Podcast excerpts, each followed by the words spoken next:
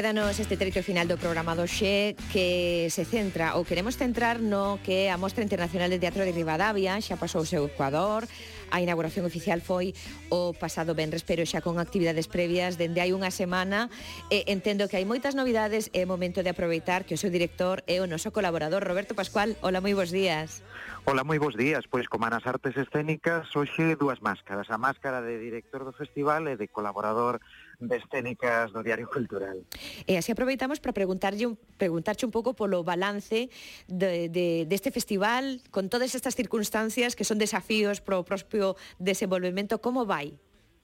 Pois o festival vai moi ben, afortunadamente, este é un aprendizaxe, foi eh, un momento de moita tensión, de moitas exixencias engadidas. Isto vai nos permitir repensar en profundidade. Xa o facíamos o ano pasado, pero este ano, con máis motivo, repensar a necesidade da arte. O nos, ese lema que, que escollemos, por fortuna, eh, eu eh, creo que, que moi acertado por todo o equipo, de a arte marca a diferencia,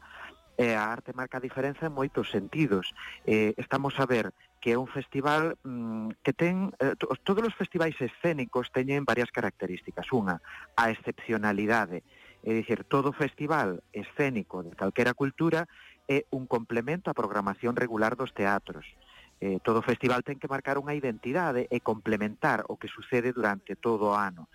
Estreas, marcar a súa identidade temática, eh, abrir camiños, eh, ver cousas que o resto do ano non podemos ver, eh, satisfacer, digamos, a normalidade do desenvolvemento escénico,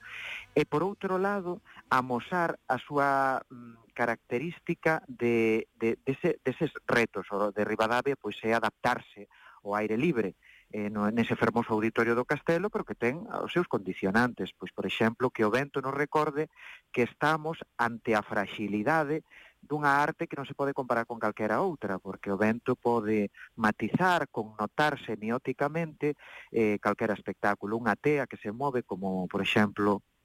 eh, na versión de, de Otelo, de Boadora, onde poidamos ver a magnífica María Vázquez estreando a versión eh, galega deste, deste espectáculo que, que se estreou no Teatro de la Abadía e que agora se estrea en galego, onde María no personaxe de Desdémona matiza coa lingua eh, unha personaxe que nos presenta a historia, pero despois vimos a señor Serrano como unha compañía que depende tanto da tecnoloxía, pois eh, lle movían os elementos, pero en ningún momento iso foi un condicionante negativo, senón utilizado o seu favor nunha adaptación ao aire libre para demostrarnos que estamos ante unha arte que se presenta nun eh, momento case ritual de comunión, de comunidade. E dicía mm, que, que todos os festivais teñen a súa identidade e teñen que ser un complemento a todo iso estáse demostrando estes días na MET de Rivadavia nos foros, que son unha prolongación eh, de algo que nos demostra eh, debería sentarse nese proceso de normalización escénica que as artes escénicas non se deben limitar á pura exhibición, que eh, eses encontros, esas masterclass, ese, eses foros son unha continuidade para agrandar non o coñecemento intelectual, senón a experiencia de, de, de, de, de algo como o Festival de Rivadavia, que é un encontro, un, eh, un campamento de verán das artes escénicas. Logo tamén están as estreas, que tamén é unha oportunidade, por exemplo, hoxe Red Room Teatro para escoller un escenario da MIT de Rivadavia para unha nova proposta, que é a de Two Pilgrims, e tamén, mm, tanto no caso da MIT como entendo que en outros festivais, pero no vosso caso é un mimo polas coproduccións coas compañías. Pois así é, eh, o Festival de Rivadavia eh, coa, coas compañías galegas ten ese compromiso o das coproduccións, o das estreas,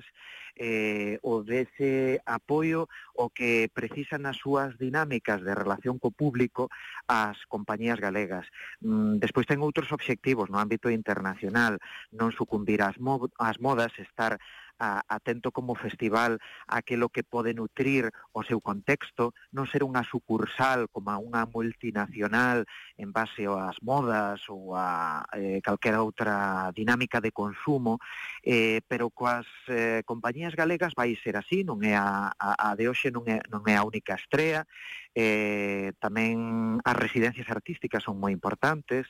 Eh, Javier Martín vai presentar eh, os actos da inercia, un proceso de investigación alrededor das artes do movimento na Igrexa da Madalena. Tamén eh, Pista 4, que foi premio de honra eh, Roberto Vidal Bolaño, mérito nas artes escénicas, eh, agora chega o a edición de 2021 eh, para estrear Vértigo, unha peza dirixida por eh, Diego Anido, eh, unha das compañías emblemáticas do chamado Novo Circo, iso vais a facer no Adro de Santo Domingo, aproveitando a fachada dese claustro e desa igrexa de Santo Domingo eh, para poñer en valor o, o patrimonio. Iso tamén nos permite recordar unha aposta en valor do patrimonio, un ciclo que está acontecendo agora mesmo no verán, que se chama Impulsa, eh, de presentación das artes do movimento ou da danza en lugares patrimoniais, en diferentes lugares da nosa paisaxe, que me parece unha iniciativa moi interesante de conxunción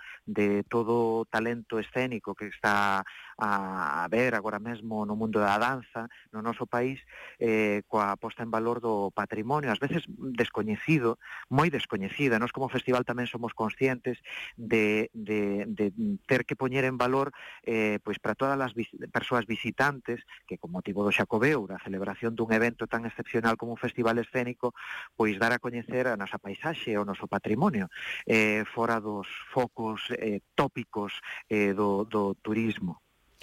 Bueno, pois quedámonos xa sen tempo para conversar, por exemplo, eh, quedará o mellor pendente para vendir a semana do Premio Brente de Textos Teatrais, que neste ano 2021 xa sabemos o fallo do xurado, que uh -huh. para Ernesto Suárez Is tamén se presentou o, o, o libro do gañador do pasado ano de Marcos Aval de Covelo, o Tsunami, pero deixámolo aquí, Roberto,